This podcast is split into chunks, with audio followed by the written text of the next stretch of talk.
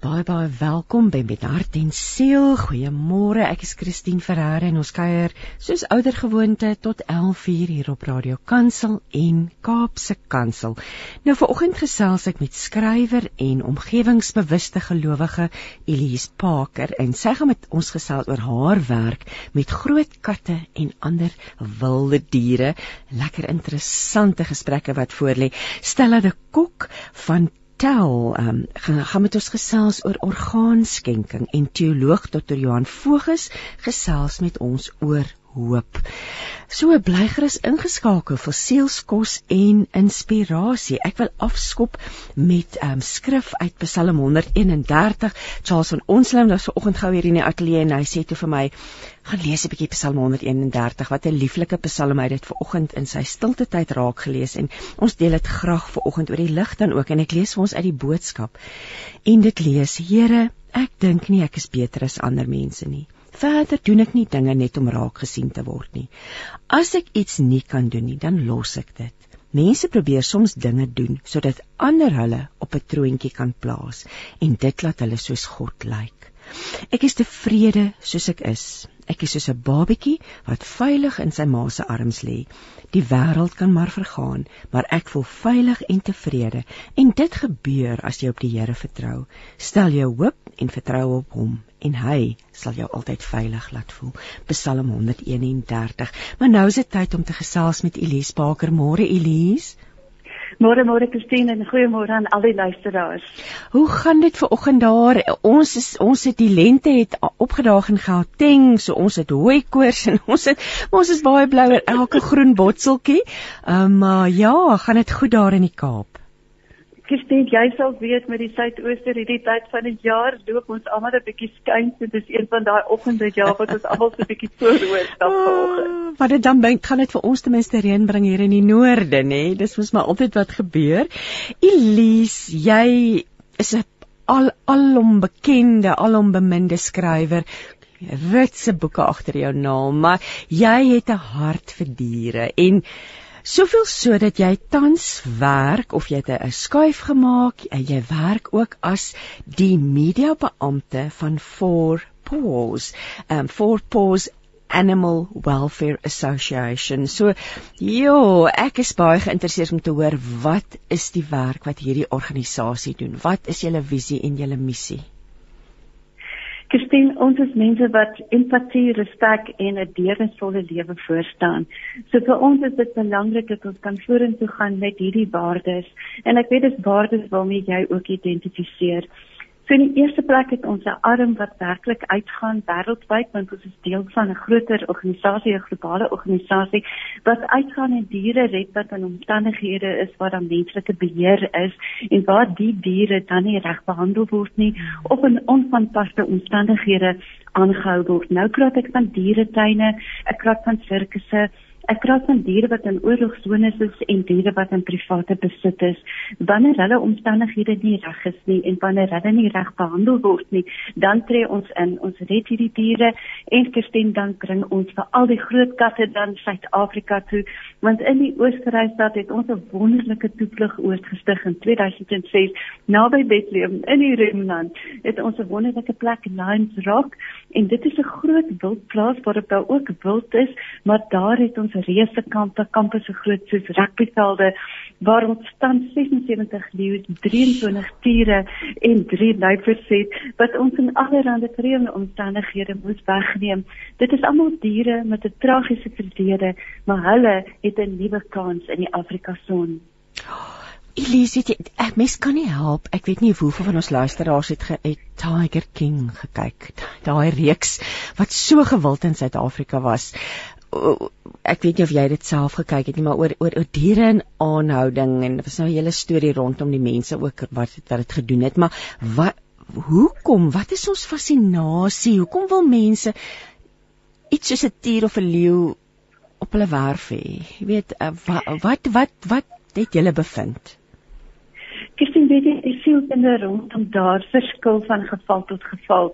Daar is mense wat werklik in Oos-Europa byvoorbeeld nog steeds dink aan hulle as eksotiese diere, veral tiere en dit is die feit dat dit eksoties is, dat dit iets anders is. Maar daar kom ook meer dikwels kom daar definitief dan die geld en die kommersiële ja, aspek ja. by. En dit is die ding dat wanneer daar geteel kan word met hierdie diere, dan veral by ons is in Suid-Afrika soos wat jy goed weet, met die leeuplase is daar kommersiële uitbuiting en is dit 'n manier vir mense om geld te maak. So daar is daar is geen edele hoe kan ek sê amper riglyne wat ek vandag vir jou kan gee hoekom mense dit doen nie. Want hmm. in hierdie omstandighede kan ons nooit weer hierdie diere terugvat Ons kan nie hulle terug in die natuur gaan sit nie, want diere wat eers gewoond gemaak is aan mense, veral as hulle welpies was soos met die groot katte, kan nie teruggeplaas word nie. Hulle kan nie vir hulle self weer sorg nie. So deur hulle in sorg te neem is een van die grootste ongunste wat ons aan die diere kan doen. Vertel bietjie vir my hoe werk dit? Sal mense hoe kom julle hoe kom julle te wete dat daar diere is wat in gevangenskap is en wat nie reg behandel word nie. Klaar, klaar die publiek hoe hoe sonder om te veel van julle geheimenisse weg te gee. Hoe werk dit? Weet ek Kirsten, ons is so afhanklik van die publiek en ek wil net vir al die luisteraars vanmôre vra om 'n oop hart vir ons te hê. Ek wil net vir die suksesverhaal vertel van verlede maand Kirsten. Ons het nou vyf views verwelkom, drie mannetjies en twee wyfies by Lions Rock. Onnutsige 3-jariges. Hulle is werklik vir ons 'n feeslike bonus, maar ons het te wete gekom van hulle toe daar 'n musiekvideo um, by ons aangemeld is van mense van Roemenië wat baie bekommerd was oor 'n klein welpie wat gebruik is in 'n musiekvideo en daarvandaan ons die spoor gekry na 'n trop van 9 leeu's wat daar duidelik geteel word met die leeu's en die welpie is dan nou uitgehuur want dit is bekend dan in Europa is daar goed soos musiektiere of musiek um, musiekleeu's of iets ook soos 'n model leeu wat daar vir 'n groot shoot soos dit jy net van ken wat daar 'n leeu uitgegee word vir 'n fotosessie of uitgehuur word. Dit was dan ook welpies. En so het ons daarvan te wete gekom en kon ons ingegaan het en kon ons sewe van die leeu's weggeneem het uit privaat besit. Ons het hulle geneem na 'n toevlugoord vir Dida in die Nederland en dan het ons eers vir hulle gewoonlike reise taak om hierdie diere eers weer gesond genoeg te kry dat hulle die 40 ure reis na Suid-Afrika kan aanpak. Nou gesien jy weet soveel moeite en verdriet het mense deesdae om so maar net 'n vliegtuigkaartjie te bespreek. nou moet ons vyf leeu's in Suid-Afrika kry. Ons moet hulle kry vanaf Schiphol, Christine. Jy weet daai lughawe hoe raak my se tas daar weg? Jy's lief vir reis, jy weet dit. Ja, so dan moet ons die vyf leeu's daar van Schiphol af moet ons in Suid-Afrika kry, maar dit baie veilig van ons aangekom. Christine, die lekker ding is ons moet dan nou by ons toevlug oor en moet ons die leeu's leer om eers in 'n krat te stap van sê die 40 ure kan ons hulle nie verdoof nie. So dan is daar vir 4 maande voorbereiding dat hulle vrywillig in die krat kan stap. Die kratte word dan op 'n groot trok gesit en dit gaan na die lughawe toe en dan is daar natuurlik 'n groot vragvliegtuig wat hulle Suid-Afrika toe bring. Hulle het ongelukkig by ons laat in die aand hier aangekom en ons het vir die 3 ure Bethlehem toe gery. Ek weet nie iemand miskien die dag op die hoofpad was nie, maar as jy opgekyk het dan sien jy so 'n bakkie langs jou en dan staan daar animals in transit. So jy kon dalk nog langs ons vyf nu op die pad na Bethlehem toe gery het. Die volgende oggend Christine het hulle uitgelaat. Ag, Christine, en toe hierdie diere se voete, die vrystaatse gras skielik, daai sagte kussentjies, die vrystaatse ah. gras so was dan net uitgedaat en hy die eerste visie het uitgekom en sy die wêreld so bietjie praktyk en toe besluit sy gaan gou sy leeu patrollie hou. So deur die hele kampie en toe sy tipe van aangedui vir die ander sussie Gina alles is reg hier. Sy het uitgekom. Die twee kragmannetjies Roman en Vincent hulle het sommer uitgestorm die wêreld oorgevat. Ons bou vir hulle 'n platform gestien waarop hulle baie lekker kan lê hulle het hulle daar gaan tuis maak en toe die jongste boetie hy was so 'n sensitiewe dier Christine. Ons het al reeds gesien in die Nederland jy weet hoe hy die krat mm. moet gaan. Dit is vir hom baie groot trauma om te reis. Hy het uitgekom bietjie rondgehardloop en hy sy boetie sien Christine was blye weer sien so ja was dit nie vir die musiekvideo's wat aangegee is nie, dan het ons nie vandag hierdie vyf leeu's by Lions Rock gehad nie. Is daar verskoon nou my my onkunde in hierdie geval, maar is daar wette en reëls en regulasies reg oor die wêreld wat uh, wat die diere beskerm en wat julle die reg dan gee om om om hierdie diere te gaan red?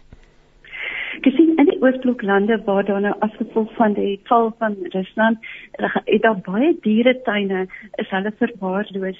Wat ons gewoonlik doen in so 'n geval, ons gaan en ons onderhandel met die owerhede en kry 'n kontrak in plek want baie van hierdie diere, veral met die groot katte, hmm. moet dan permitte toegestaan word.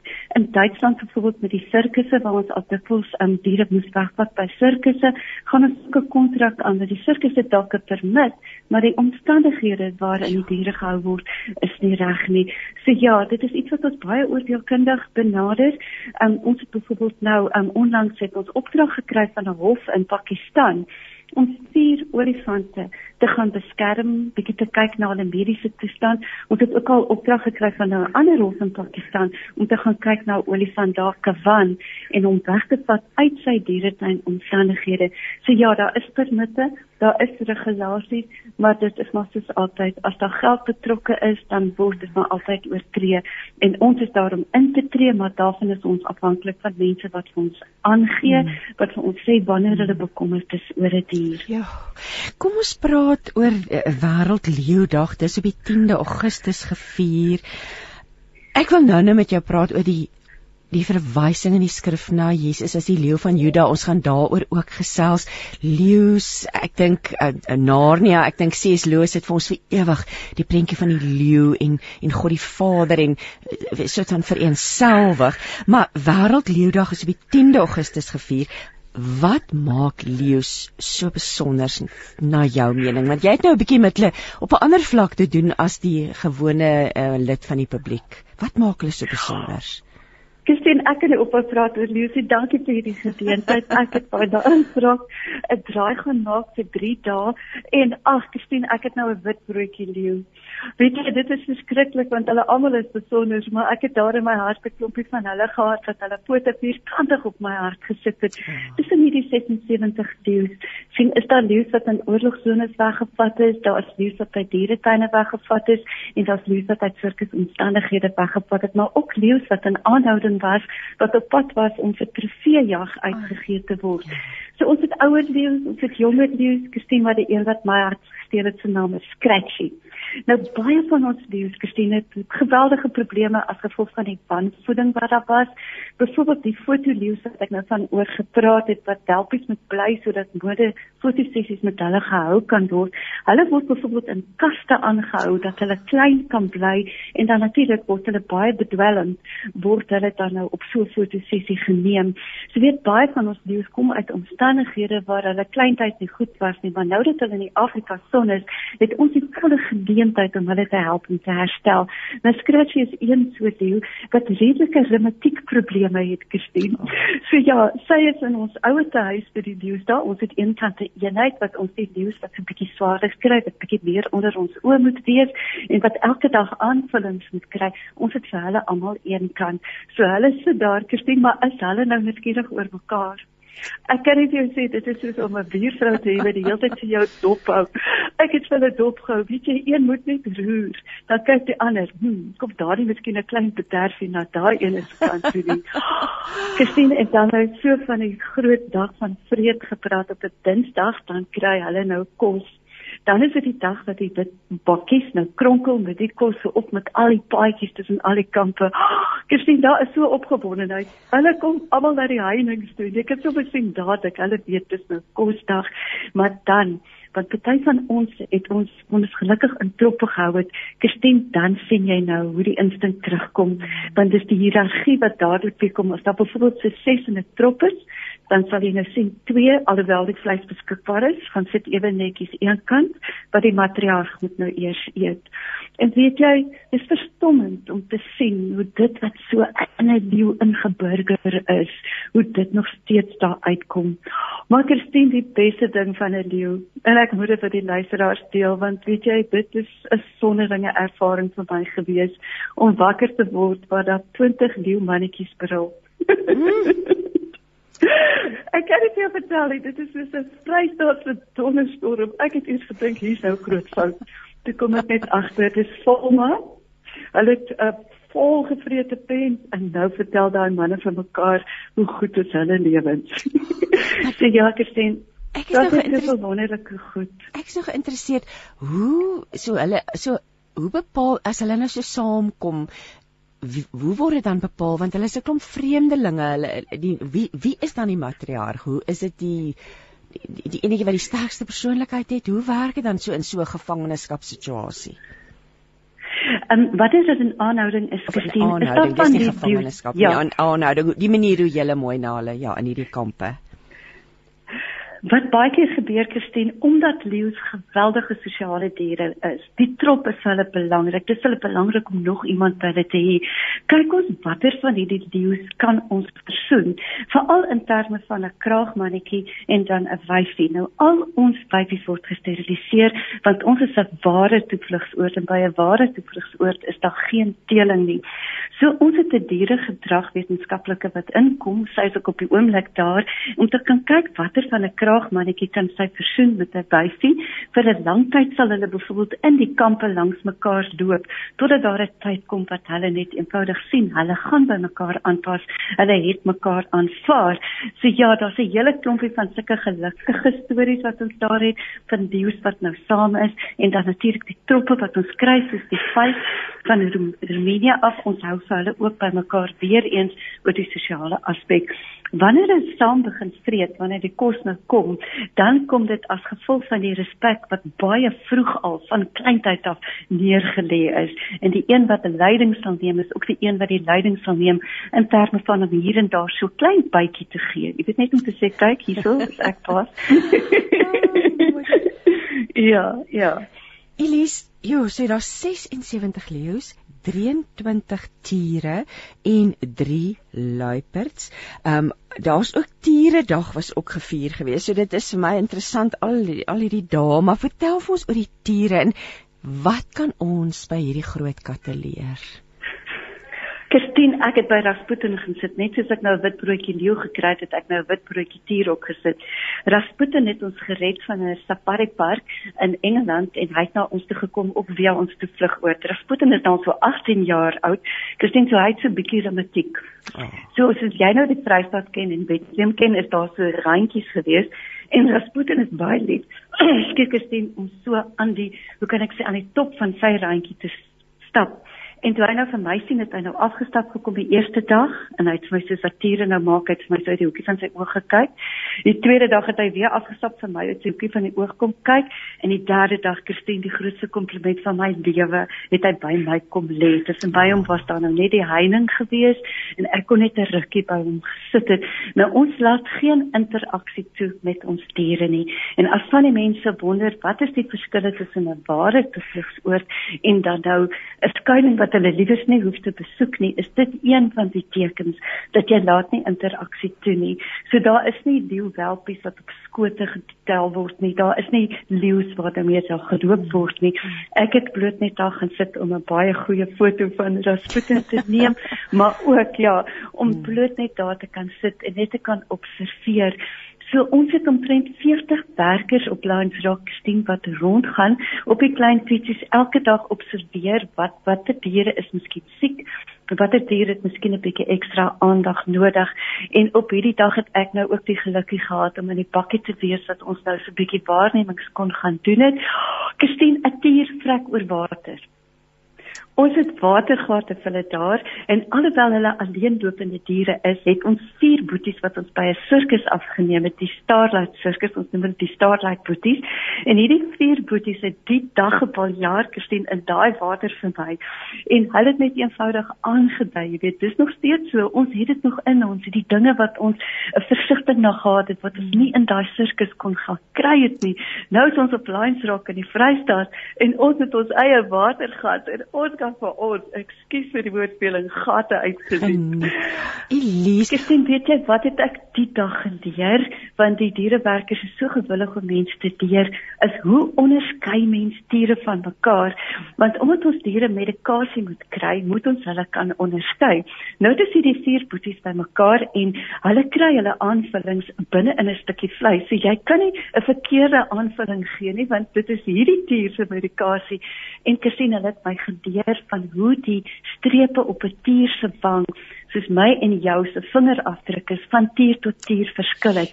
En hulle het my gewys die ene te hartjie soos ons prins van harte dan sal ander enetjie met 'n 6 en een met 'n omgekeerde vurkie. Jy weet so ja jy kan 'n tier op sy strepe onderskei op sy wang. Oh, dit is absoluut wonderlik. Ons ons gaan 'n kort musiekbreek. Ons uh, neem, ons gaan luister na Kim Walker Smith wat, wat vir ons Home gaan sing en daarna gaan ek en jy gesels oor ja, die leeu van Juda en en en ook ons verantwoordelikheid as gelowiges teenoor die aarde en die diere en die diereryk wat wat vir die Here vir ons vir gegee het om te geniet. Maar kom ons luister na musiek. Kim Walker Smith sing vir ons Home. Kry jou daaglikse brood, maar ook jou geloof in praktyk. Dis 657 Radio Kansel en 729 Kaapse Kansel. Die klanke van die lewe. Jy luister dan met hart en siel. Ek gesels met Elise Parker, die media beampte van Four Paws Animal Welfare Association, en ons gaan nou gesels oor die verwysing, die leeu van Juda. Ons ons begin in Genesis, as jy Genesis 49 vers 9 lees, sê dit Juda is soos 'n jong leeu, hy vernietig sy prooi en keer na sy lêplek terug. Soos 'n leeu krul hy hom in sy blyplek op en niemand sal dit naby sy skuilplek waag nie. En dan in Openbaring word daar verwys na in, in Openbaring 5 vers 5, 5 wat sê hou net op wat gebeur. En niemand en niks kan die leeu uit die nageslag van Juda wen nie. Hy is nie verniet. 'n agter agter agterkleinkind van koning Dawid nie. Hy sal die seels kan breek en die boek kan oopmaak. Talle verwysings in die Bybel na hierdie beeld um, Jesus as die leeu van Juda. Elise wat beteken dit vir jou persoonlik? Ehm um, so veral in die konteks dat jy nou met hierdie diere werk, het daar nuwe gedagtes, nuwe dinge vir jou oopgebreek in hierdie tyd? Het ons Elise op die lyn? Ons probeer net weer vir Elise op die lyn kry. Elise is Elise is die media beampte Elise Parker, die bekende skrywer, tans media beampte um, van die uh, die organisasie For Paws Animal Welfare Association en Elise het nou ook vir ons vertel van hulle toevlugsoord in die Vrystaat met die naam Lions Rock. Ons probeer net weer vir Elise op die hand in in die hande kry.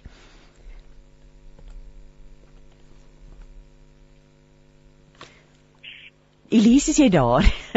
ek is hier, ekskuus, ek het net verlore geraak. Vir 'n oomblik, ag, ons is maar uitgelewer aan aan die in die tele, tele gaan die tegnologie en die telefoonlyne. Elise, Jesus as die leeu van Juda, wat beteken dit vir jou persoonlik? So veral in die konteks dat jy so nou met hierdie diere werk en kontak het met hulle. Gesien weet jy wat my altyd beïndruk van die leeu soos ek hulle so sien, is die waardigheid en die gesag wat hulle het. Daar is 'n leeu daai autoriteit van hy is presies wie hy is jy weet in die waarheid en die eerlikheid waarmee die Jews kommunikeer en waarmee hulle presies is wat hulle is, bring weer eens daai gesag as jy net kan kyk na die natuur. Hulle is werklik die konings daar buite, maar hulle doen dit met waardigheid. En weet jy van my, is dit weer eens die waardigheid waarmee ons rentmeesters moet wees van dit wat vir ons gegee is in die skepping. En die skepping is daar vir ons gestien en ek dink daar het miskien net by ons almal 'n klein semantiese foutjie gekom met die woorde bestuur en dan weer eens om te regeer. Ja. Ons opdrag is om hierdie skepping te bestuur en nie te regeer nie. En dit is waar dinge verkeerd loop. Dit is waar die waardigheid van die diereryk daarmee heen gaan. Dis waarmee ons nie meer met die gesag wat werklik aan ons te vertrou is, nie om te regeer nie, maar om te bestuur. Want met die opdrag van bestuur kom daar beskerming in, Christine. Daar kom daar kom 'n opdrag van oppas oppas vir my onthaalwe, oppas vir julle onthaalwe, oppas vir die kosmos en vir die aarde se onthaalwe. So ja, wat leer ek by leeu's wat my meer van die leeu van Juda leer? Ek leer dat die gesag is aan ons gegee om te bestuur en om met deernis en empatie en veral met respek die waardigheid wat ons hierdie koninkryk weggeneem het en van die diereryk weggeneem het om dit terug te gee. En daar's een manier om dit te doen, Christine, en dis iets waarvoor ons absoluut voor staan en wat ons in nuwe veldtog ook gaan doen is leef met deernis. Jo, dis mooi. Is jy nog daar?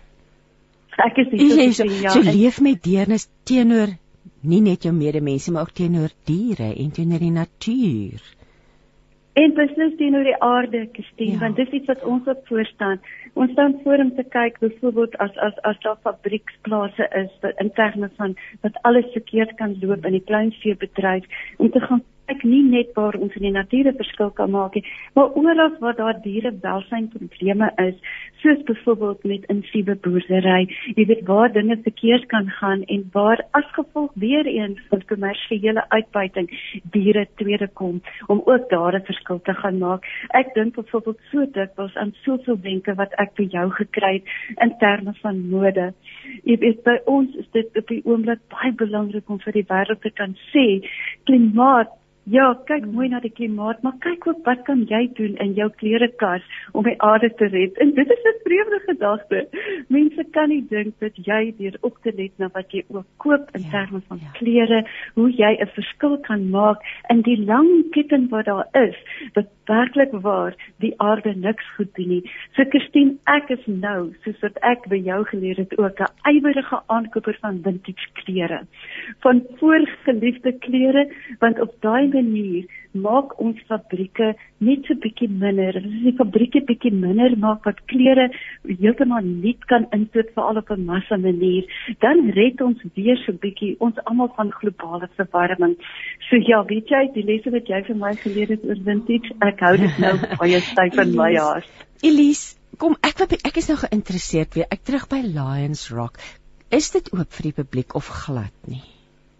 Christine, ons het nou na COVID, het ons nou 'n klein gelukkie gehad dat ons weer lines raak kan begin oopstel en so vanaf Oktober se kant af, dan kan ons dit weer oopstel. Ons het ook akkommodasie daar en op die oomblik is daar 'n getimmer daar om al die akkommodasie reg te kry vir besoekers, maar wat ons wel het vir dagbesoekers, Christine, is 'n is 'n klein 'n rit op 'n safari voertuig, so jy kan vroeg in die oggend kom en dan neem ons hulle rond op 'n safari voertuig, sekere van die diere, die gidse vertel ook die diere se stories. So jy kan allerlei stories hoor van hoe die diere by ons aangekom het, maar ook inligting oor hoe om vorentoe te gaan om tussen 'n ware toevlugsoord soos ons in te onderskei en dan 'n plek waar jy 'n welpie op jou skoot kan sit en daarvoor moet betaal.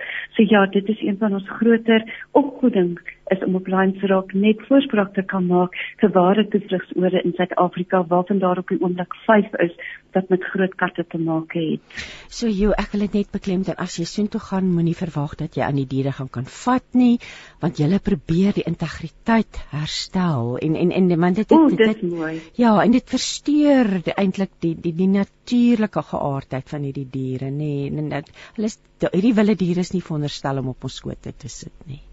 Ek sien Kirsten jy het nou weer net die regte woord daardie wilde diere en dit is dit is wat ons sê weet hou hulle wild hou hulle mm. vry want ja. eintlik gesien wil ons nie 'n lines raak hê nie want ons wil hê ja. diere moet vry kan wees ons is daar om nou te kyk na waar het dinge verkeerd gegaan en om 'n regstelling te maak waar ons hartsbegeerte is dat diere wil ten vry moet wees Sjoe Elise, waar kan luisteraars meer te wete kom oor Forpos?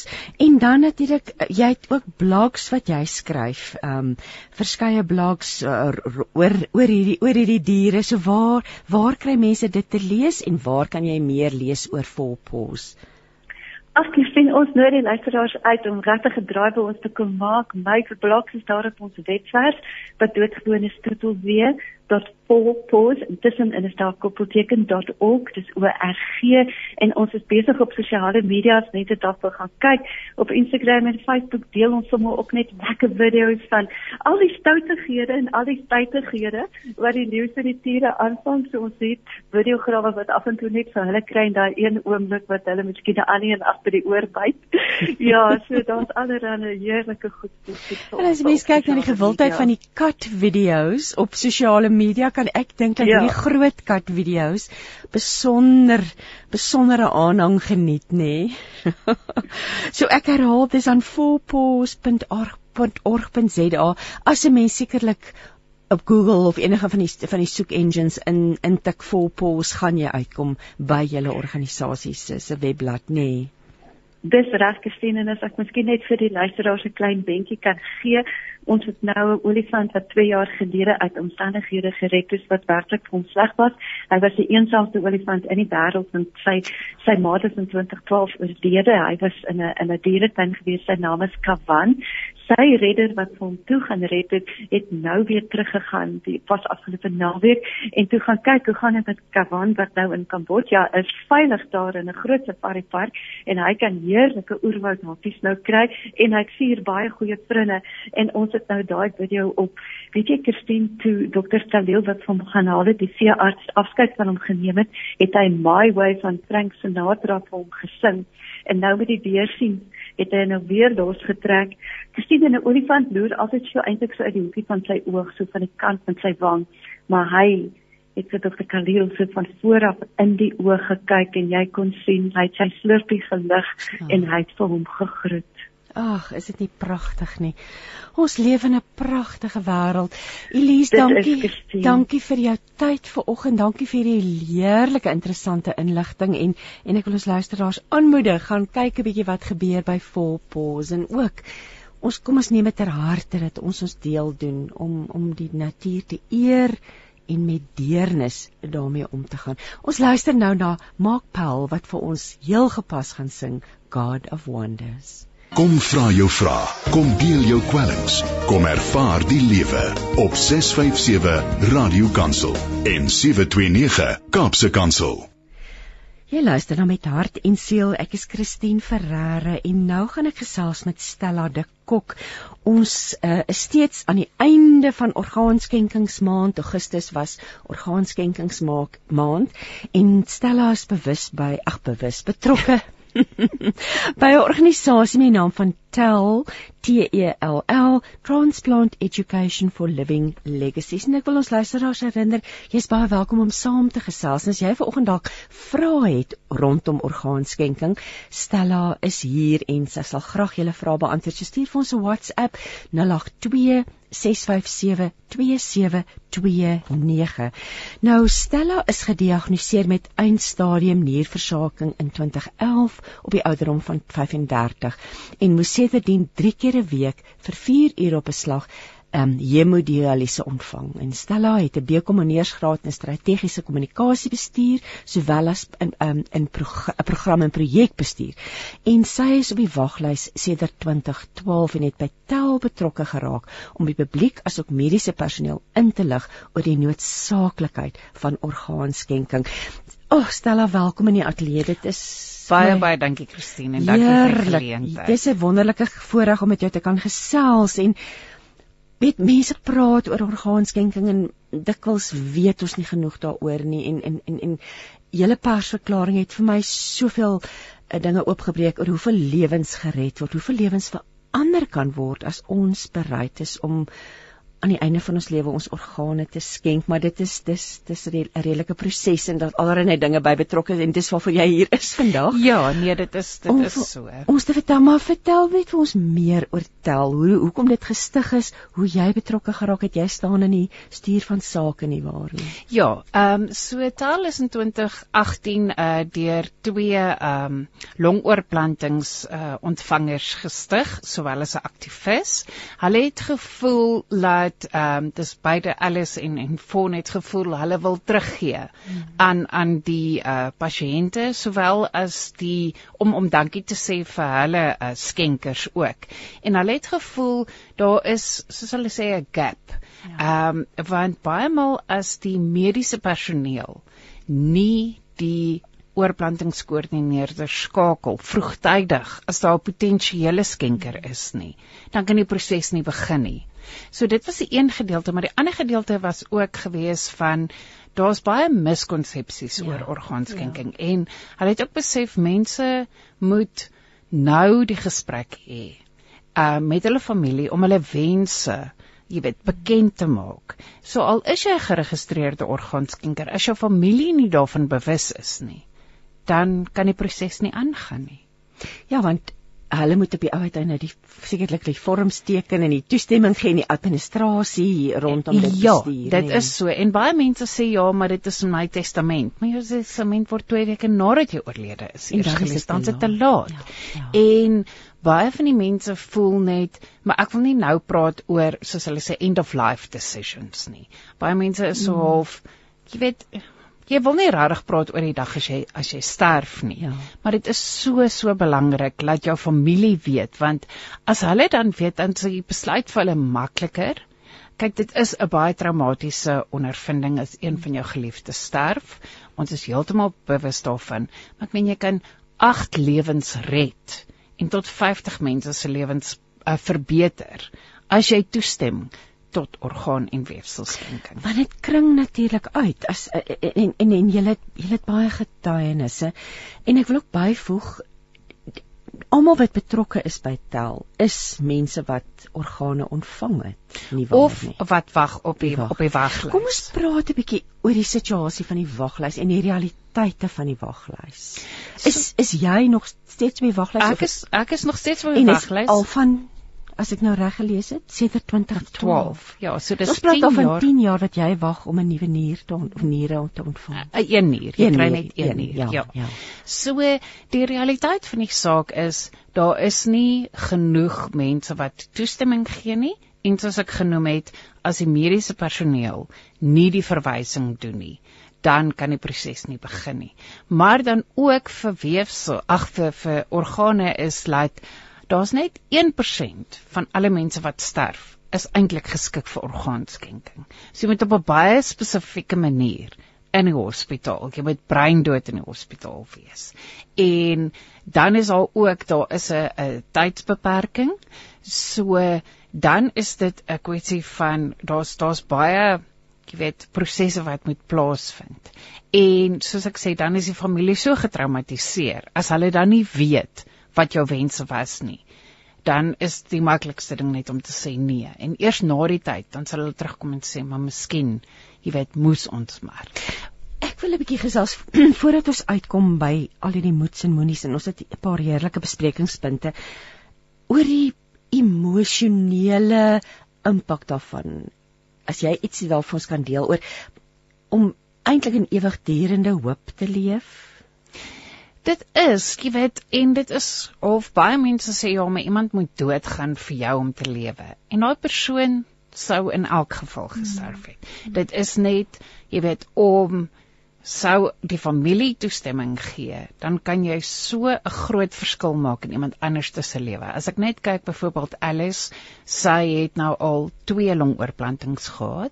So sy is met sistiese fibrose gebore, so dis 'n oorerflike siekte en sy is op 23 moes haar eerste longoorplanting gekry het. Die longoorplanting het vir 10 jaar gehou en dit het jy weet gehelp dat sy kon uh jy weet werk voltyds, sy kon reis, sy kon, jy weet, sy's getroud en toe het sy op 33 het sy weer oorplanting gehad want ongelukkig met die antiverwerpingsmedikasie hier het maar invloed op die organe ook. So hulle hou nie vir altyd nie. Dit is maar met al die organe, maar vir al die longe is nogal baie meer sensitief. Ehm um, byvoorbeeld die niere, party mense se nou al 23 jaar. Ehm um, jy weet so dit dit is maar daar is 'n beperking en baie mense dink jy jy word jy kry oorplanting en alles is nou hankie dorie en jy's reg. Maar jy moet nog steeds ehm uh, antiverwerpingspille neem. So jy moet medikasie neem. En daar is maar ook neeweffekte van daai daai medikasie. Ek het hierdie week gehoor dat mense sê dat dit 'n so 'n probleem onder jong tieners of jong ja, tieners is wat wat organe gekry het wat hulle wil nie anders wees nie. Hulle wil nie anders wees as hulle maats nie. Maar jy het 'n jy het 'n hele klomp getuienisse van mense wat wat regtig dit dit dit was suksesvol en hoe hulle vertel hoe hulle lewens verander het. Jy het nou gepraat van Alice. Is daar nog gevalle wat jy vir ons kan van vertel? Ja, byvoorbeeld, ehm um, as ek nou vinnig dink aan aan Fawn, uh, sy was 700 dae in die hospitaal. Ehm um, jy weet in totaal voordat sy 'n oorplanting gekry het, ook sistiese fibrose. Sy het ook 'n longoorplanting gekry. Ehm um, nadat sy haar longe gekry het, het sy haar eie besigheid begin. Uh, sy's getroud en sy lewe nou 'n vol lewe. Ehm um, waar voorheen moes sy op suurstof wees, sy het 'n voedings ehm um, tube gehad. Ehm um, so dit is absoluut soos hulle sê life changing en en life saving want daar's baie van die organe. Kyk, ek kan byvoorbeeld op dialyse oorleef. Alhoewel dit elke jaar wat jy op dialyse is, verminder jou lewensverwagting met 5%. Maar ek kan aangaan waar mense wat lewers, harte of longe nodig het, is dit jy het 'n jaar oor en as jy nie 'n oorplanting kry nie, is dit dis die einde van die storie. Jy weet, daar dit is 'n familie wat 'n dogter, 'n ma, jy weet, verloor en dis ook as jy mense moet onthou dit gaan terug na die gemeenskap toe. Hmm. Hierdie organe gaan nie oor see nie. Dit is absoluut vir Suid-Afrikaners en dit is jy help jou gemeenskap, jy help jou medemens. Kom ons praat 'n bietjie rondom statistieke en hoeveel jy sê net 1% van die bevolking is geskik. Wat het ek jou reg verstaan? Ja, as hulle jy weet sterf. Ja, ja van alle sterftes. So dis nie die die bevolking nie, dit is net van, van alle sterftes. sterftes. Maar onthou daar is jy kan nog steeds weefsel skenk. En baie mense weet nie byvoorbeeld as jy vir 'n heupvervanging gaan, kan jy daai heup wat hulle uithaal, kan jy skenk en daar word beensement van gemaak. So die volgende ou wat weer ortopediese enige ortopediese operasie kry, gebruik hulle dan weer daai beensement. Jy kan kornea skenk, jy kan ligamente, vel, as hulle nie 'n hart kan gebruik nie, kan hulle hartkleppe skenk. En soos ek sê, uh been, dis alles weefsel wat jy weet mees van dit nou is nou as jy uh, sterf het en daar is dit sê jy gaan 'n hartaanval by die huis dood. Kan hulle nog steeds die weefsel gebruik. Dit is net die organe is is 'n baie spesifieke ehm um, jy weet situasie. Ek dink nou aan tot stof sal jy terugkeer. Stof is jy gebore tot stof sal jy terugkeer. En ons weet as gelowiges ons verhuis na 'n 'n hemelse huis. Ons liggaam, ons siel verhuis, ons liggaam ja. bly agter. En so dit dit maak eintlik soveel sin nê om om om dit te doen. Eh, eh, wat is die wat is die miskonsepsies? Kom ons praat 'n bietjie net oor miskonsepsies rondom. Is mense bang daarvoor? Is dit wat wat is die miskonsepsies wat julle as 'n organisasie agterkom mense het? Ek dink die eerste ding is mense sal dink die dokters gaan nie jou lewe red nie en kyk baie in die in die movies en die series en so is dit daai ding van hierdie ou gaan hier dood en dan die volgende ou wat langs hom lê kry sommer dan die hart. Jy weet dit is sommer dit word bietjie verkeerdelik uitgebeel. Ja, ek dink dit is vir traumatisasie en ek ja, kan ek kan dit ja. verstaan maar ehm um, die die proses is baie gereguleer. So dit is een is die dokters en mediese personeel wat met jou werk as jy in 'n ongeluk is en jy kom daar in die hospitaal, het absoluut niks met oorplanting te doen nie. Al wat hulle in belang stel is om jou lewe te red. Ja. Eers as dit kom waar hulle sê en en dan is dit twee onafhanklike dokters wat jou brein dood moet verklaar. So hulle het weer eens niks met die proses, jy weet, te doen nie. Dan moet hulle die oorplantingskoördineerder skakel dan sal sy of hy inkom en jy weet assesseer en kyk waarvan uh, jy weet het jy gesterf uh, jy weet of en dan gaan hulle met die familie praat. So mense moet nooit bang wees om te sê hulle gaan, jy weet, jou laat sterf om jou organe te kan gebruik nie. Soos ek sê, dit is absoluut 'n uh, onafhanklike spanne wat wat met jou werk en die familie moet konsent gee. Daar is nie 'n ding van o, ons sien jy se orgaanskenker op jou, jy weet, bandjie of op jou ehm um, lisensie en en daar gaan ons nie. Ehm um, jy weet dit is dit is dis 'n dit is 'n absolute weldeurdagte die eerste plek besluit van die persoon wat sê ek gaan 'n orgaanskenker word en dan is daar soos ek nou van jou verstaan absolute prosesse in plek. Dit is korrek. Terug na wa, die waglyste want hoekom jy wat so lank al is, hoekom is dit is daar net is dit net is daar net te min? Dit is daar te min mense wat bereid is om hulle organe te skenk. Dit is dis weer tweeledig. Een is dat as daar potensiële skenkers is, is dit baie maal die soos hulle sê die bottleneck is by die hospitaal hmm. en die mediese personeel wat nie die koördineerder skakel nie en dit is ook daar is miskonsepsies selfs met mediese personeel. Is daar miskonsepsies en dan die ander kant is die families wat nie toestemming gee nie. En die derde ding is daar is net so baie mense wat wag. Dit is ongelukkig die realiteit. Ehm um, kyk daar is dit is nou vir die deceased donors as hulle sê. Daar is jy kan 'n living donor ook wees mm. en daar's weer heeltemal 'n ander proses wat wat plaasvind. So met ander woorde net by die terug by die miskonsepsies is byvoorbeeld vir 'n uh, oorlede skenker, kom ons gebruik net wat daai woord, kan jy kroniese kondisies hê. Dit is baie mense dink o, daar's 'n ouderdomsbeperking of ehm um, ek is 'n diabetes, ek sal nie kan skenk nie of ek het gerook of gedrink of dit is absoluut mense moenie hulle self diskwalifiseer nie. By jou afsterwe doen hulle 'n volledige assessering, kry al jou mediese geskiedenis en dan sal hulle besluit kan ons hierdie organe gebruik of nie. En baie mense moet net op besef dat al is jou lewer 60% funksioneer op 60% is nog steeds beter as iemand sin wat glad nie funksioneer nie. Hmm.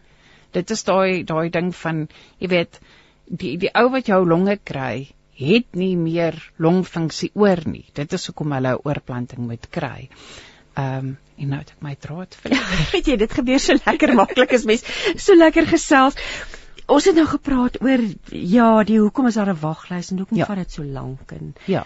En en as as iemand nou vandag luister en prakties Wat is die praktiese stappe? Iemand wat graag wil. Ons gaan nou-nou praat oor iemand wat nie wil nie daai. Ja. Maar iemand wat vandag luister en dink, weet jy, dis dalk iets wat ek wil doen. Die maklikste ding is hoe doen 'n mens dit? Ja, jy moet met jou familie praat en hulle sê dit is my wense en dan afsterwe asseblief, jy weet, respekteer my wense en dit is hoekom ek dit wil doen. Dis tyd vir musiek. Kom ons luister na Red Walker Band wat vir ons gaan sing Come to the River.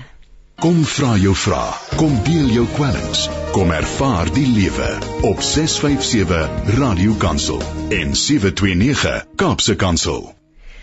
Jy luister dan met hart en siel. Ek is Christine Ferreira by my in die ateljee kuier Stella de Kok. Sy is van Tel. Hulle is ehm um, die organisasie wat hulle daarvoor beywer om mense bewus te maak van orgaanskenking. En en Stella, ons het nou gesels so in die breek ook oor dat dit daar is nie eintlik papierwerk jy ons jy het verwys net die testament maar jy moet vir jou familie sê dit is al wat eintlik saak maak. Dis korrek Christine. Hulle gaan op die einde van die dag die besluit moet neem en soos hulle sê die konsent moet teken. So jy kan registreer, dit is goed vir 'n ehm database seker 'n 'n reminder. Ja. Ehm uh, maar die mediese personeel het nie toegang tot daai databases nie, want kyk soos oor see byvoorbeeld, het hulle toegang tot die databases, dan kan hulle opkyk op die databases en dan na jou familie toe gaan en sê ons sien hierdie persoon is 'n orgaanskenker, stem julle saam. Maar selfs dan sal hulle vir die familie jy weet konsent vra. So daai openhartige gesprek met jou familie wat jou wens is is so belangrik. Dit is sekerlik die een ding wat ons moet onthou uit hierdie gesprek. Dit is korrek. Praat, is tel en dis ook hoekom julle ja, organisasie se naam. Dit is presies dit. Dis daai woordspeling tel. van tell your family, tell your tribe, jy weet, have the conversation. Ja. Wat wat is as iemand wat nou vanoggend luister en en en en dink nee, ek wil dit glad nie doen nie. Wat wat sou jy sê vanuit die perspektief van iemand wat wag vir 'n orgaan? Ek sal sê jy 6 keer ehm um, die die kans is 6 keer meer dat jy 'n orgaan gaan nodig hê as wat jy ene kan skenk. So dit is ook net wat mense moet sure. onthou. En die ander ding is as dit jou familielid is wat wag vir 'n orgaan, sal jy graag wil hê iemand anderste moet toestemming gee. En soos ek sê, dit gaan terug na die gemeenskap toe. Die mense op die waglys, daar is geen ehm um, jy weet voortrek of jy nou jy weet 'n celebrity is en of jy jy weet in watter huis jy bly, wat jou status in die lewe het, het absoluut geen impak. Dis letterlik waar lê jy op hierdie lys? Wel, ek is op die top 50. So dit beteken as daar orgaan, jy weet, verbykom, as daar 'n nier verbykom, dan toets hulle daai 50 want is ek op die O bloedgroep. So elke bloedgroep het ook sy eie lys.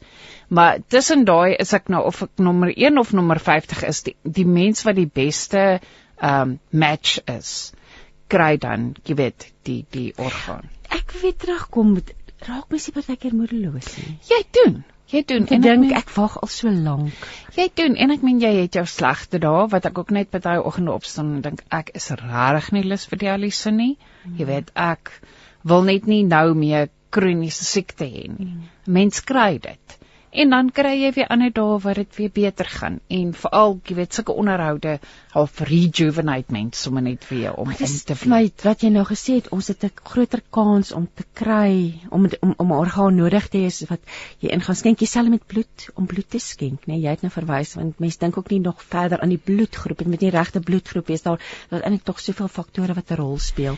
Dit is waar As jy iemand wat vandag luister en wat op op die lys is, um, wat is jou advies vir so 'n persoon? Ek sal sê een is luister na jou dokters. Probeer so gesond as moontlik wees en maak seker dat jy besig bly want dit is so maklik om te net te kan fokus op jy weet hierdie siekte en die heeltyd jy weet mm. jou ehm um, treatments te doen en jy weet net daarop te fokus maar probeer om iets te kry wat jou gelukkig maak al is dit om te gaan stap of al is dit om 'n boek te lees of om jy weet en en reik uit Hmm. Praat met mense. Ons is altyd beskikbaar. Ons het so baie ehm uh, mense wat verskillende organe ontvang het en wat verskillende organe voorwag. So as jy voel jy wil met iemand praat wat 'n leweroorplanting gekry het of wat 'n nieroorplanting of longe, jy weet of soos 'n pankreas en niere, jy weet of 'n hartoorplanting, jy weet ehm um, daar daar is baie van die goeters wat wat overlap soos hulle sê, maar as jy nou spesifiek met iemand wil praat, wat wag. En dit is nie maklik nie. Maar daar is daar is ondersteuning ja. En daar is ondersteuning en daar is mense wat kan luister en ek dink jy moet nooit moedeloos raak nie. Want ek dink dit gebeur baie maklik. Ek dink ons bly maar mens en ehm um, en dit is ook swaar op die familie mens. Dit is. As dit jy is. as jy saam met iemand leef wat wat wat nie gesond is nie en wag vir 'n oorplanting. Dit is en daar's byvoorbeeld as ons op vakansie wil gaan, jy moet jou dialyse reël. Jy moet seker maak dat jy naby 'n dialyse sentrum is. Dit vat tyd jy weet mm. byvoorbeeld my man my vat as ons nou jy weet um, op die vakansie is en dan is dit 'n hele dag uit ons vakansie uit wat hy jy weet maar op sy eie moet rondploeter en iets kry om te doen. Maar ons kan ten minste nog steeds weggaan en dit is sulke goed waarvoor ons jy weet uitsien. Ons maak seker dat ons fokus op die goed wat ons nog kan doen in plaas van op die goed wat ons nie kan doen nie. Dit is 'n kosbare kosbare stukkie lewenswysheid wat jy nou daar met ons deel nê. Fokus ek, op dit wat ons kan en nie wat nie kan doen nie. Ja, en ek dink dit is vir enigiemand of jy nou siek of gesond is, daar's so baie beperkings in die lewe dat jy kan jy weet maklik swaarmoedig raak hmm. en jy weet soek vir die goeders wat jou gelukkig maak. Het COVID sekerlik 'n impak gehad op op die lys. Dit het 'n groot impak gehad want uh voor Covid was die waglys vir niere tussen 8 en 10 jaar en na Covid is dit nou 12 tot 15 jaar.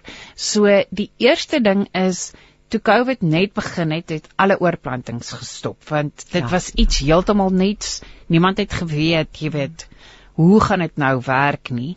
En soos wat dit aangaan het het hulle stelselmatig agtergekom maar hulle gaan nog steeds hulle kan nog steeds oorplantings doen.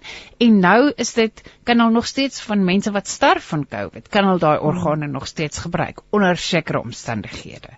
So maar dit het ongelukkig die waglyste was reeds lank gewees en dit net veroorsaak dat dit soveel langer raak. En natuurlik ook dan baie van die orgaan um, ontvangers as hulle COVID gekry het, het hulle gesterf want hulle immuunstelsel is onder druk. So ons het baie mense verloor. Ehm um, jy weet weens COVID en dan ook mense wat op die waglys was omdat hulle immuunstelsel jy weet klaar onder druk is. Sjoe, so laaste gedagtes boodskap aan aan aan ons luisteraars vanoggend ehm um, vertel vir jou mense. vertel vir jou mense. Hierdie gesprek, jy kan 8 mense se lewens red tot 50 mense se lewens verbeter en dit kos jou niks nie. Dit is ook dit nog 'n ding. Ja. Dit kos jou absoluut niks nie en vertel net vir jou mense. Dit is die belangrikste dat hulle weet dat as so iets sou gebeur, dit is my wens. Dit is my wens en jy kan 'n verskil maak. Soos hulle sê, dit is ook tel is transplant education for living legacies. Die woord legacy want is 'n wonderlike woord nalatenskap. Ja. En ons wil almal so graag iets agterlaat as ons die dag meer hier is nie. En so hier is dit en ja, dit is net absoluut deur 'n orgaanskenker te word. En dit is soos ek sê, dit so maklik is om te sê. Ja, tel. Ja net weer julle webwerf want ek is seker daar's mense wat vra het en as mense wil uitreik ehm um, ehm um, ek wil hier's nou 'n luisteraar wat vir ons sê maar ek gou net hier lees te Jacqueline wat sê dis waar sy sê fokus op wat jy kan doen. Die mens is gemaak om aan te pas by omstandighede en nog steeds vreugdevol te wees. Shalom van Jacqueline en ek dink Stella jy's 'n voorbeeld daarvan. Jy leef al 10 jaar hiermee saam maar jy reik uit na ander jy's deel van hierdie organisasie met die hoop om ander mense se lewens te kan verbeter. Ja, en, en en om 'n verskil te kan maak. Jy weet soos ek sê, ja. dit dit is die belangrikste.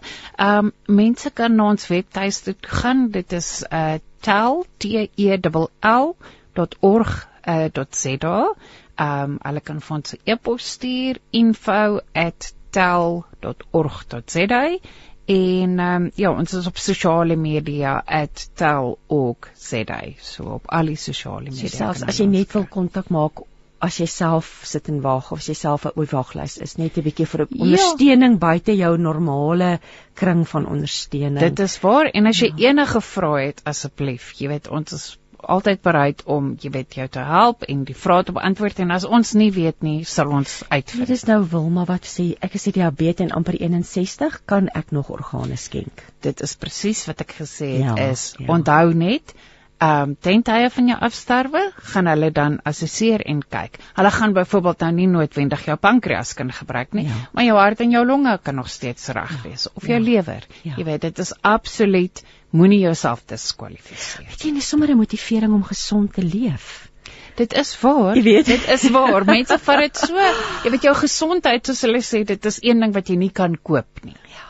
Ehm um, en as as dit weg is, is dit weg jy weet hmm. so dit is ja ehm um, probeer gesond leef. Dis nie altyd maklik nie ek kan verstaan jy weet daar hmm. stres en werk en dit en dat maar probeer net jou bes.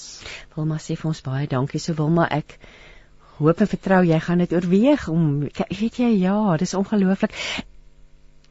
Ek wil net weer uh, praat oor die hoop en dat daar altyd hoop is en dit is so, jy weet en en al is jy op jou laagste, mm. probeer kyk en probeer uitreik mm. en en kyk vir daai een sonskyn straaltjie wat jou net weer, jy weet, mm. sal sê maar ek kan nog steeds 'n tree vorentoe gee. Ek kan nog steeds opstaan.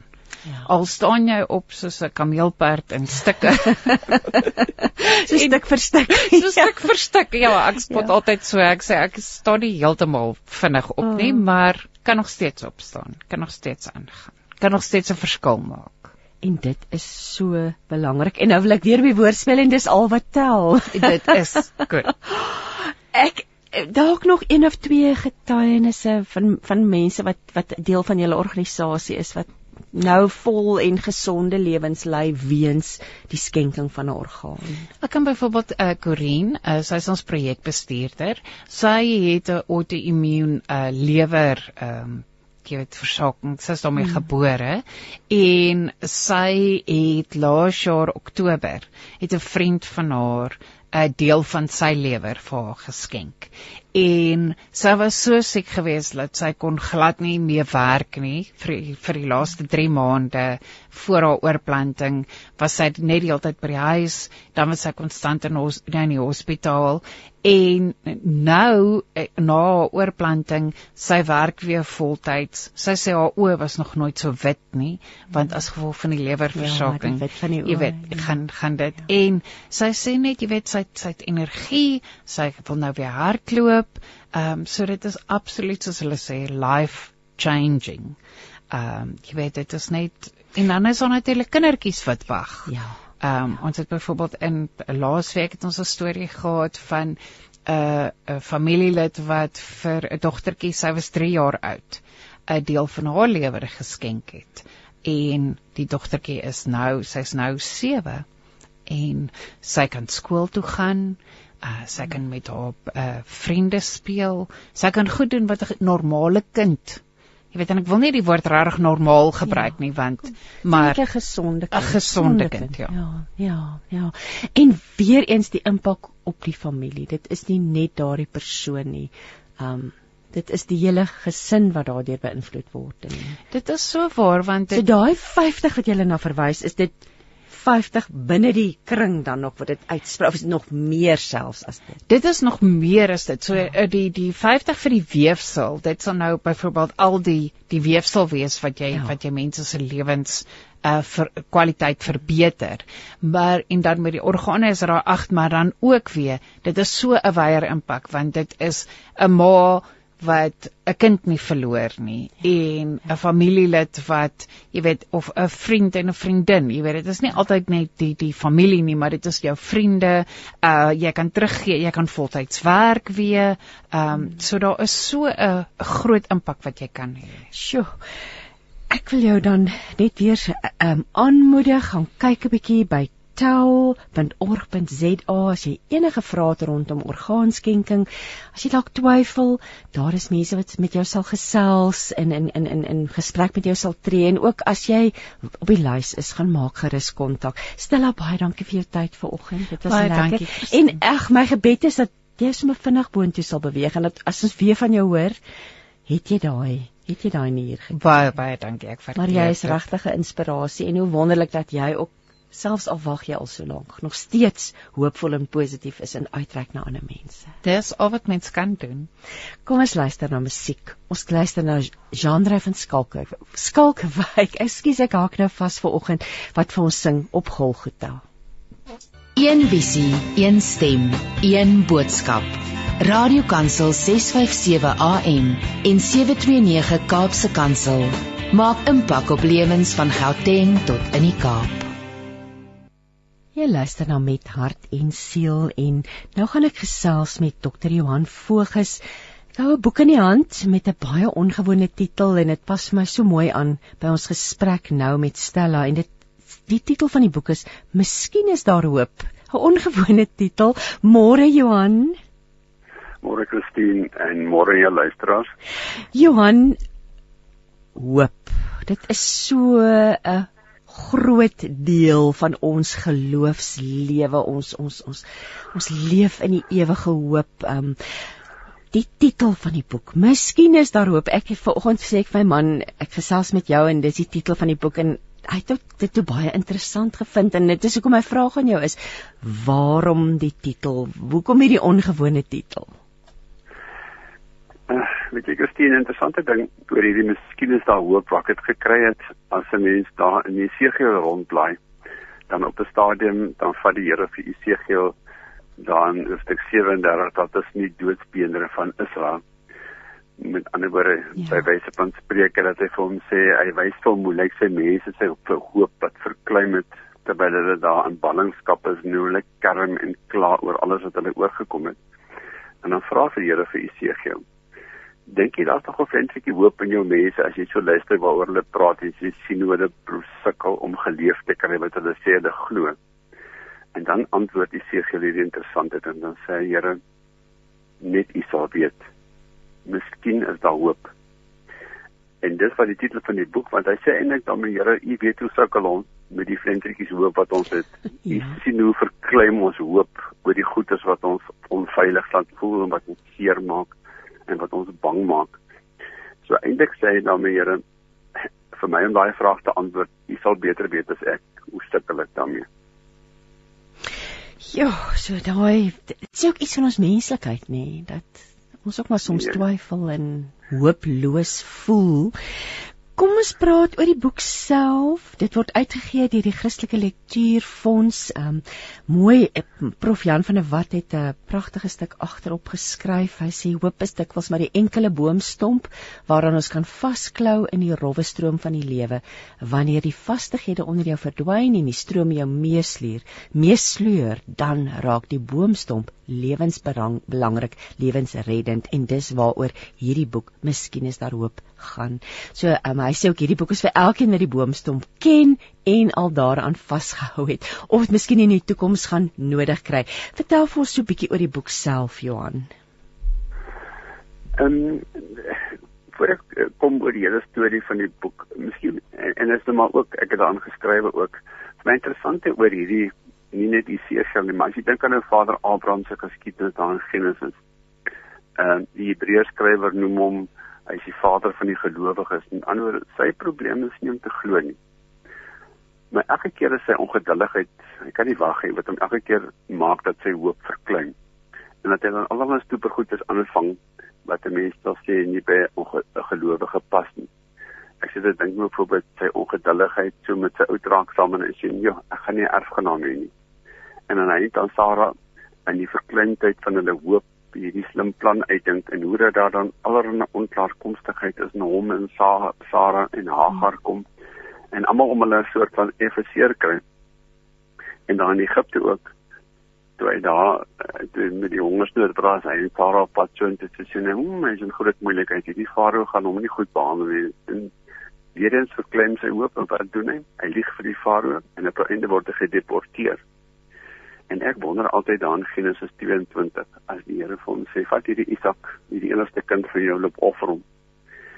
As hy daar antwoord te Isak sê vir hom pa is al die goed, maar hy is nie hy is nie 'n offerdier nie. En dan antwoord hy die Here sal voorsien. Hmm. Ek wonder of wat dit aan daarmee eintlik bedoel. So lekker ou, wat ek amper sê wanneer jy hoop die dag verklein raak. En dan ook ander voorbeelde. Ek dink aan nou Petrus is ook 'n mooi voorbeeld van hoe dat sy hoop elke keer verklein. Maar die Here sê vir my kan nou die seën om te aanloop en daar by Jesus se voete dan sink hy. En dan wat hoop doen dieselfde ding. So die interessante vir my van die Bybelstories is om te sien elke keer hoe mense reageer as hulle hoop verklein. En dan dink ek aan my eie lewe, hoe ek ook 'n klompie goeders ervaar het van hierdie verkleinsheid van my geloof en ek gaan net verduidelik wat ek bedoel met die verklein. As ek dink, soos Martin Luther gesê het, ek trou met die vrou wat ek liefhet, maar dan laat moet ek die vrou leer liefkry met wie ek getroud is. dis dis om getroud te raak is nie moeilik nie, maar om getroud te bly vat nogal 'n ou se geloof en jou hoop verklein nogal in die proses. As ek dink ook self my eie vraag oor En wat beteken dit om 'n predikant te wees wat die ek dink die Here wil hê en wat die gemeente verwag? En hoe om 'n pa te wees van kinders grootmaak? So ek dink daar's nie is dis heel belangrikste ding in jou lewe, maar daar's nie 'n speelgroepie waar jy kan bywoon om te gaan leer wat dit beteken om 'n ouer te wees. En dan op 'n dag om te ervaar as jou dogter haar lewe verloor. Hoe gaan ek met my lewe aan? Ja. En selfs bedoel uh, aftreed ek ook nogal beleef het nogal 'n stukkie koudheid en verklimheid in my hoop gemaak en so jare wat gelewe daai gevoel toe my vrou sterf na 'n lang kankerpad is my al enigheid daarin en sê wat gaan ek nou maak en ek het ontdek wat my gehelp het om van hierdie onverkleindheid ontslae te raak was om die stories van die Bybelskrywers en die mense te probeer verstaan wat het hulle gemaak toe hulle vir hoop verkleim het oor die goed wat hulle oorgekom het. En ek het hieroor begin skryf wat vir my gehelp het. Dit was vir my 'n kreatiewe proses. Ek tog om my verstaan van hulle stories en my eie emosies en my eie stories verwoord te kry. En ek het ook dis die mense daar in die Weskuste waar my familie vandaan kom, my teëgestit om doelwit betrokke te raak by mense in die gemeenskap en in die gemeente waar ek is nie om minder van myself te dink nie, maar om minder aan myself te dink. Ja. Ehm um, dis iets van 'n mens leer daai ding van as jy dit reg kry om liefde te kan weggee, dan word die mense wat dit ontvang gesond, maar jy ook. Ja. En my wens en my wens elke dag as ek sê dink ek sien jy ou van die jaar spoornemers, maar as ek dink as daar een wens wat ek elke dag het en sê Here, hoe kan ek 'n verskil vandag maak? oor die verskil wat U in my verskil gemaak het. En dis ja. dis waaroor die, die boekie eintlik gaan in 'n sekere sin dat ek oor hierdie goedes probeer skryf. Ehm um, daar's 'n Engelse spreekwoord wat sê to give forgiveness and love is to set a prisoner free and to discover that that prisoner was me. So, maar nou is die moeilike ding. Begin en gaan sit nou en begin skryf oor hoop. Ja. Dan dan kom ek ewe skielik het jy die moeilike ding gehad Afrikaans. Sukkel ons oor hoop. Want wat sê ek? as ek hoop as ek nou vanoggend vir jou gesê het joh ek hoop dit gaan goed met jou Christine dan bedoel ek regtig dis 'n wens wat ek het dat dit en ek hoop dat dit regtig waar sal wees maar kan ek 'n stille woord gebruik en sê vir jou jong daai skille storie wat ek jou hoor oor vertel ek hoop jy sien moeilikheid nie dan gebruik ek dieselfde woord om 'n vrees uit te spreek of die een of my eendag gesê het, weet jy wat, ek het so 'n klomp hoop goeders na my in, in my motor 'n motorreis wat ek nie weggepak kan kry. So, so, so wat sê ek as ek sê ek hoop. Ehm um, Paulus sê vir ons dan in Korinte 13 die Here het vir almal vir ons drie gawes gegee. Die gawe of die vermoë om te kan glo, om te kan hoop en te kan lief hê. So dis nie iets wat ek kan sê ek ek kan dit nie verloor nie ek kan hoogstens dit kan onbruik raak of dit kan misbruik raak of die woord wat ek gebruik dit kan verklein. En vir my die mooi eh uh, uh, uh, nou daar's talle voorbeelde maar Jona is my een van die mooi voorbeelde om te sien hoe lyk dit as 'n ou se hoop die dag verklein. Maar ons ken Jona as 'n boek wat bekend is vir die gestryery waar groot genoeg vis is en ek, wat 'n mens kan insluk in al die in, in bome wat in omsientjies groei en weer doodgaan. Maar eintlik 'n interessante ding. As jy mooi Jonas se storie lees, dan kom jy agter hoe lyk dit wanneer iemand nie meer geleef kan kry wat is so glad dat ek altyd sê hy glo. Hmm.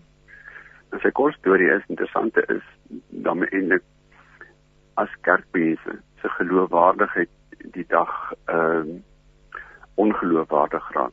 Dan kry almal om hulle seën. En as ek nou 'n lang storie kyk, dan kom jy agter dat die Jona boek op die storie word nie klaar vertel nie. Dat die skrywer verwag en dink dat ek wat dit lees, moet dit in my eie lewe klaar vertel. Hy vra eintlik 'n implikasie. Hoe lyk jou verhouding met die Here op hierdie oomblik in jou lewe? Jy wat sê dat jy glo. Hoe kry jy dit geleef? Ehm ander manier van dink Jona sê hoekom sukkel ons so om die liefde wat ek wil hê die Here vir my moet hê en dat hy my affekteer moet vergewe. Hoekom sukkel ek dit so om vir ander mense dit eh uh, ook te kan gun? Eh uh, dit kom weer terug by daai ding van as as my hoop nie geleef raak nie as en, en miskien moet ek dit so sê as my geloofstorie nie geleef raak nie. Er kan ek dink ek nie ervaar mense dat regtig daai hoop wat ek sê ek het dat dit 'n verskil maak in of my of in hulle lewe nie.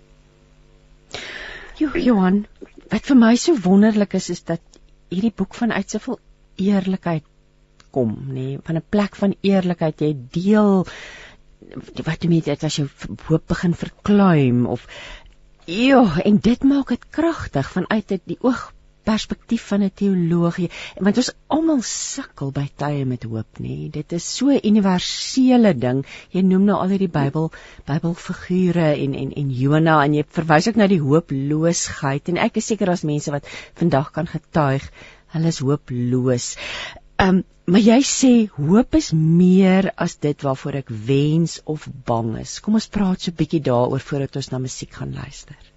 Nee. Interessant is dit my is dat ek die eerste keer oor hoop anders begin het dink het was ehm um, ek onthou in die gemeente waar ek was eh uh, na my menslikheidsverlof na my kind se dood. Ehm um, ons was uh, ek was in 'n makrogemeente, ons was vyf kollegas en dit het my beurt om te preek na teruggekom het en moet ons baie moes beplan want meer as een erediens op 'n Sondag gehad was my verantwoordelikheid om in Johannes 11 te preek oor Lazarus se begrafnis. En ek sê Here is is hier ernstig ek bro ek ek kon nie as hierdie vorige begrafnis uh, oorleef nie en dan moet ek aloor preek. En vir die eerste keer het ek Johannes 11 verstaan. Man Johannes laat die vraag oor wat beteken hoop dat hy vra hy daarbey begrafnis. Hmm. As mense daar in hulle hartseer en verwagtheid rondloop en hoe elkeen reageer, het ek vir die eerste keer verstaan o, dis waaroor hoop gaan. As ek byvoorbeeld aan Thomas voor hom nog op pad so dit dan sê Jesus vir hulle, "Wanneer ons moet gaan na Lazarus toe uitsteek." En dan sê eh, Thomas van Here, dit dit gaan nie werk nie. Jy weet daar's groot moeilikhede as jy Jerusalem toe gaan. Dan sê die Here ons moet gaan want dit is eintlik oorlede.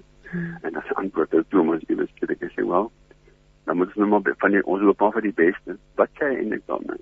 Hy is so bang om te gaan so sy hoop is niks anders as dit vrede uitspreek dat hy eintlik sê Here om met U saam te wees maak my altyd bang en ek weet nie waar toe met my op pad is nie. En dan sal daar aankom en dan kry jy so 'n einde van die hoofstuk die ou ringkoppe wat daar rondloop om dop te hou wat daar gebeur. Dis daar heen en weer om direk spanne en krities oor wat gebeur en as hulle dan hoor dat Jesus verlaters wil opwek hulle keer almal. En toe Jesus dit op einde doen, kry jy interessante ding oor ander hierdie ouens se se hoop of se verkleimdheid en hulle hoop net so 'n kwaadheid en dan lees jy oor dit hulle wat 'n ander manier van vrees is dat hulle ook in ander woorde eh uh, vrees dit van hulle weet eers skielik nie wat om met Jesus te maak en met Lazarus nie. En Martha Maria is interessant vir my dat hulle 'n wens uitbreek. Martha begin ook sê Here as U glorie was. So my broer het dood gesê maar ek soort van ek weet ek weet hy was vroeër ek weet so u kan iets daaraan doen want ek weet u kan en dan sê Jesus wag glo jy eh Martha. En sy sê ja glo. Jy sê glo jy dat jy ons sê ja eendag sê jy net. Ek wil weet of jy nou glo of jy my vertrou dat in ander woorde ek ook vir jou die lewe kan gee wat jy nodig het. En dis 'n interessante ding dat in Martha en Maria se se woorde word en ek so 'n bietjie saamgevat Johannes se mense te beskryf se vrees en sê Here wat gaan van ons word as U die dag hemel toe gaan en ons moet alleen agterbly. En dan wat is Jesus eintlik besig om te doen? Hy is besig om vir hulle te vertel wat geloof beteken om sy geloofstorie met hulle te deel. Dit is 'n interessante ding wat daar gebeur het, dan staan daar die kortste versie in die Bybel daar vers 35 en Jesus het gehuil. En 'n vrou, kom maar Jesus. Nou die mense wat daar rond gestaan het, sê, "Jo, kyk hoe lief was dit hulle gebeur." Maar ja, waarskynlik is Jesus daar teen. Is dat hierdie begrafnis sy disippels en hy baie gesel baie gereeld gekuier was ook sy vriende die ander daardie maar Martha Maria dat Jesus heil toe hy sy geloof storie met hulle deel het hulle hom nie geglo nie dit kan ook wees dat Jesus hartseer is omdat hy weet jy vir daar is hy op pad na sy begrafnis ja. maar wat is die wat my die pennie gedrop het is waaroor gaan dit hier dat hoop beteken ek het 'n geloof storie om te vertel selfs al is daar trane in my oë. En dit is vir my wat hoop is. Dis is meer as 'n wens. Dis meer as waarvoor ek bang is. Dis meer as 'n klomp goed waarna ek verby. Dit vra van wat is my geloofstorie? En dit is hoekom ek hierdie boek geskryf het om uiteindelik in mense se geloofstories te gaan probeer vasstel maar wat het gemaak dat dit hulle by hoop uitgebreek het.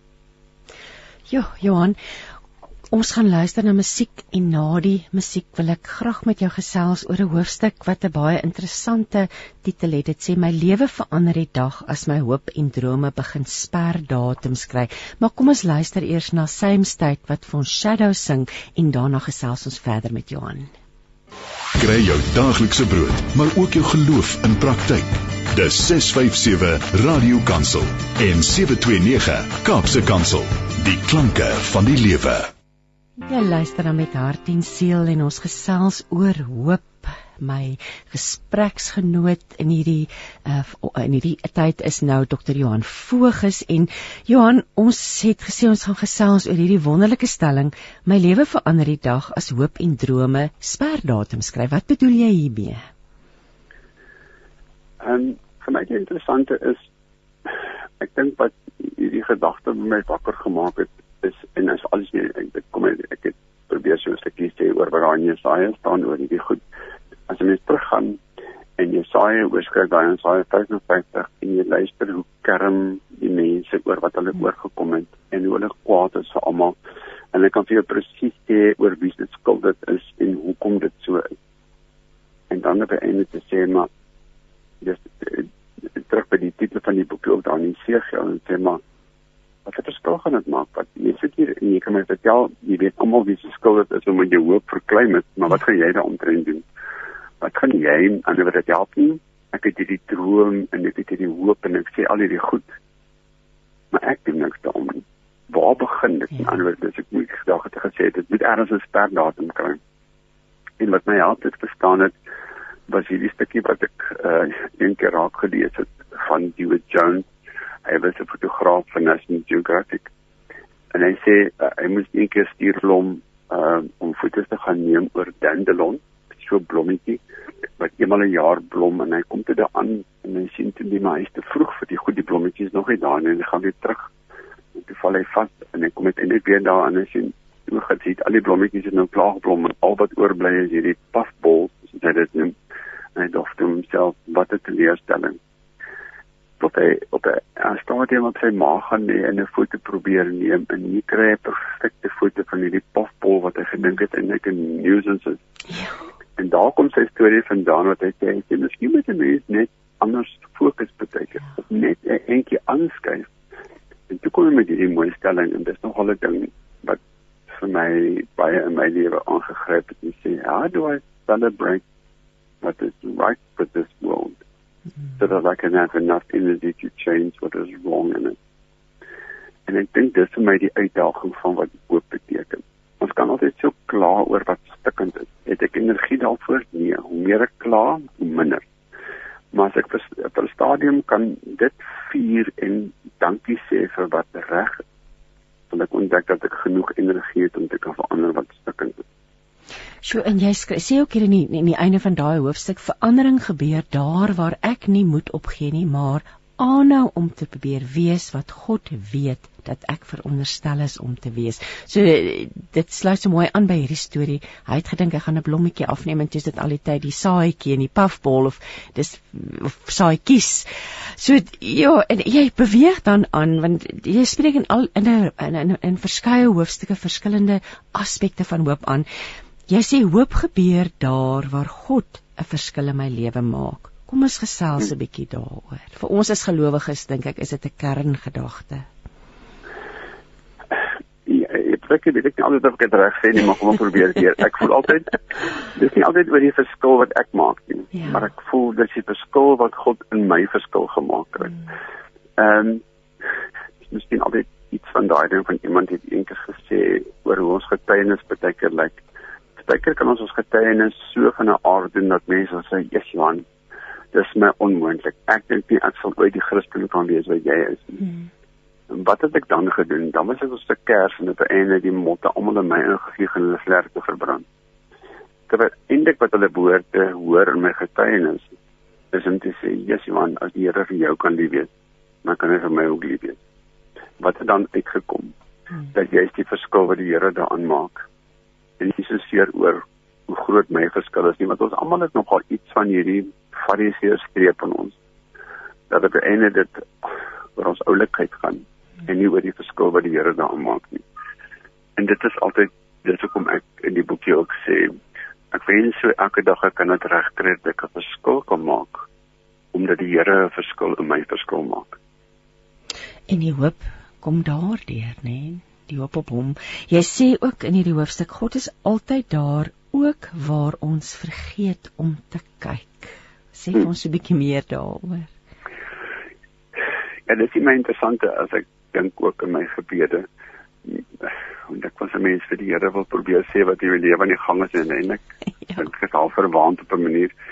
Maar om daai om besef verrassing te kan ontdek dat die Here op die einde van my gegee het wat ek gegee het om te vra. En dit het daar was ook waarop nie kon raaksteen nie. En dit het my gesorg het ook toe ek nie gedink het hy is uh, hy sou nie. En dis vir my die verrassing elke keer om te kan ervaar dat die Here my verras oor sy teenwoordigheid. Hmm.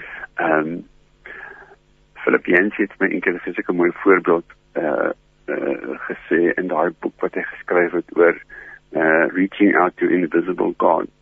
Wat hy sê hoe dien ek 'n Here wat onsigbaar is? En te gebruik hierdie interessante voorbeeld van sy twee kinders wat hy sê dit een keer agterkom dan speel hulle wegkruipertjie.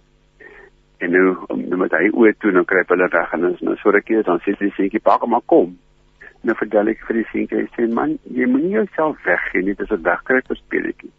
Tot hy ontdek het dat vir die seentjie is dit die die, die vir hom lê die die lekker in die spel om gekry te word, nie om weggekry te word. En hy sê as dit nie eintlik ook in 'n sekere sin hoe ons verhouding met die Here lyk nie, dat die vreugde lê daarin om gekry te word. Dat ek die Here kry omdat ek in hom raak, in hom vas te wat ek dit amper sou kan uitdruk.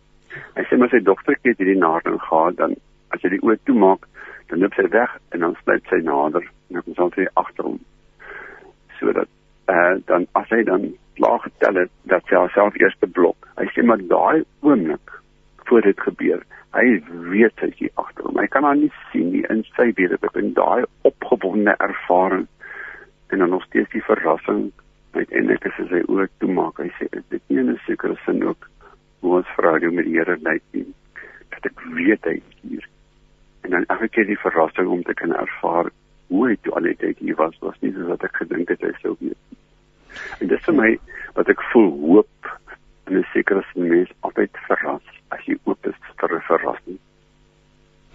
Dis dis my so mooi want dit is heeltemal daar's heeltemal te veel om oor te gesels vanoggend, maar jy vat dit ook terug na die karakter van God en jy sê ook jy daag die leser uit in watter my hoop is in Jesus, maar watter Jesus. So jy delf ook in die karakter van van van van uh, God en God die Vader en van Jesus. So gesels 'n bietjie met ons daaroor so ter afsluiting en ek wil graag hê vir jou vra om vir ons af te sluit met 'n gebed vir oggend, maar daardie vraag in watter Jesus hoop ek? Ek wil ehm um, amper dit so sê oor die boekie. Ehm um, dat ek dink die moeilike ding vir my om oor hoop te nie moeilike ding nie, maar die verrassende ding oor oor oor hoop te skryf is om soms ook te kan wonder dat die hand wat my seermaak hmm. nie ook dieselfde hand is wat my in liefde vashou nie. En dit kry mense in Job se verhaal baie. Ja. Dat hierdie onbekende God waarin homself vasloop. Dat hy dink net toe hy dink die Here verstaan het om agter. Ek het nie 'n klop in wat eintlik aangaan nie. Iemand het eendag gesê hy wil dalk sê dat hy die minste van God weet is miskien die mees eerlikste oor God. En dis my wat hoop eintlik is. As jy op Hebreërs 11 lees, as jy dink al daai mense het net was twee goed seker gewees. Die een is dat God is en die tweede een is dat God hom laat kry deur mense wat hom soek. En dan staan die sê die Hebreërs skrywer in 'n stuk 11 baie van hulle die dag dood gegaan sonder dat uh baie van hierdie goed waar geword het, maar altyd aan hierdie hoop vasgehou. God sal my kry. Ehm uh, dat ehm uh, dit is interessant dat iemand het eendag gesê ek sal die Here soek tot hy my gekry het. En dis altyd die verrassende ding dat ek in ander woorde kan beleef 'n hemelse Vader wat altyd daar is ook waar ek dit soms die minste verwag. En dat ek kan oop wees vir die verrassing dis nie seker sin maar niks anders dit dit dis my geloofstorie en te sê ek weet God is en ek weet uit my gekry eerste gekry. Ehm uh, Hagar sê dit moes mooi te sê daar in die woestyn het dis kom sy daai ehm van fontein Lagai Rooi genoem het. Ja. Ek het die Here gesoek om dit in die eerste gekry het. Ja. En dis my dis my wat hoop eintlik beteken. En soos jy dit reg op die agter op die agterblad dit dit is God hoop. Johan, dit is 10:57. Ons het tyd vir 'n gebed, 'n kort gebed en ek wil jou graag nooi of jy in die vir jou vra of jy vir ons luisteraars vanoggend sal bid. Ja. Wat ek gaan doen is, is ek gaan ek het in die boekie dit ook iets in die einde geskrywe met die ehm um, Fransiskaanse seënbede. Ek sou op my eie manier vertaal en miskien dit dit as ons gebed wees. Asseblief. Mag God jou seën met 'n onklaarkomstigheid vir maklike antwoorde, albe waarhede en oppervlakkige verhoudinge sodat jy in liefde altyd by die waarheid sal bly en die wat van jou verskil ook in liefde sal kan aanvaar. Mag God jou seën met 'n heilige woede oor onreg, onderdrukking en uitbuiting van mense sodat jy die eerste een sal wees wat werk vir geregtigheid, vryheid en vrede tussen alle mense om jou. Mag God jou seën om te kan huil saam met hulle wat seer gekry het as gevolg van pyn verwerping en honger of omdat hulle alles verloor het wat vir hulle kosbaar was sodat jy jou hand kan uitsteek om te troos en hulle pyn in vreugde te verander. Mag God jou seën met genoeg dwaasheid om te glo dat jy 'n verandering in hierdie wêreld kan maak sodat jy kan doen wat ander sê nie gedoen kan word. Amen. Amen. Amen. Dit was dan Dr. Johan Voges. Ons het gesels oor sy boek Miskien is daar hoop deur die Christelike Lektuur vir ons uitgegee. Ek sê dankie vir Paul Manne vir die tegniese bystand en ek groet tot volgende week dan. Totsiens.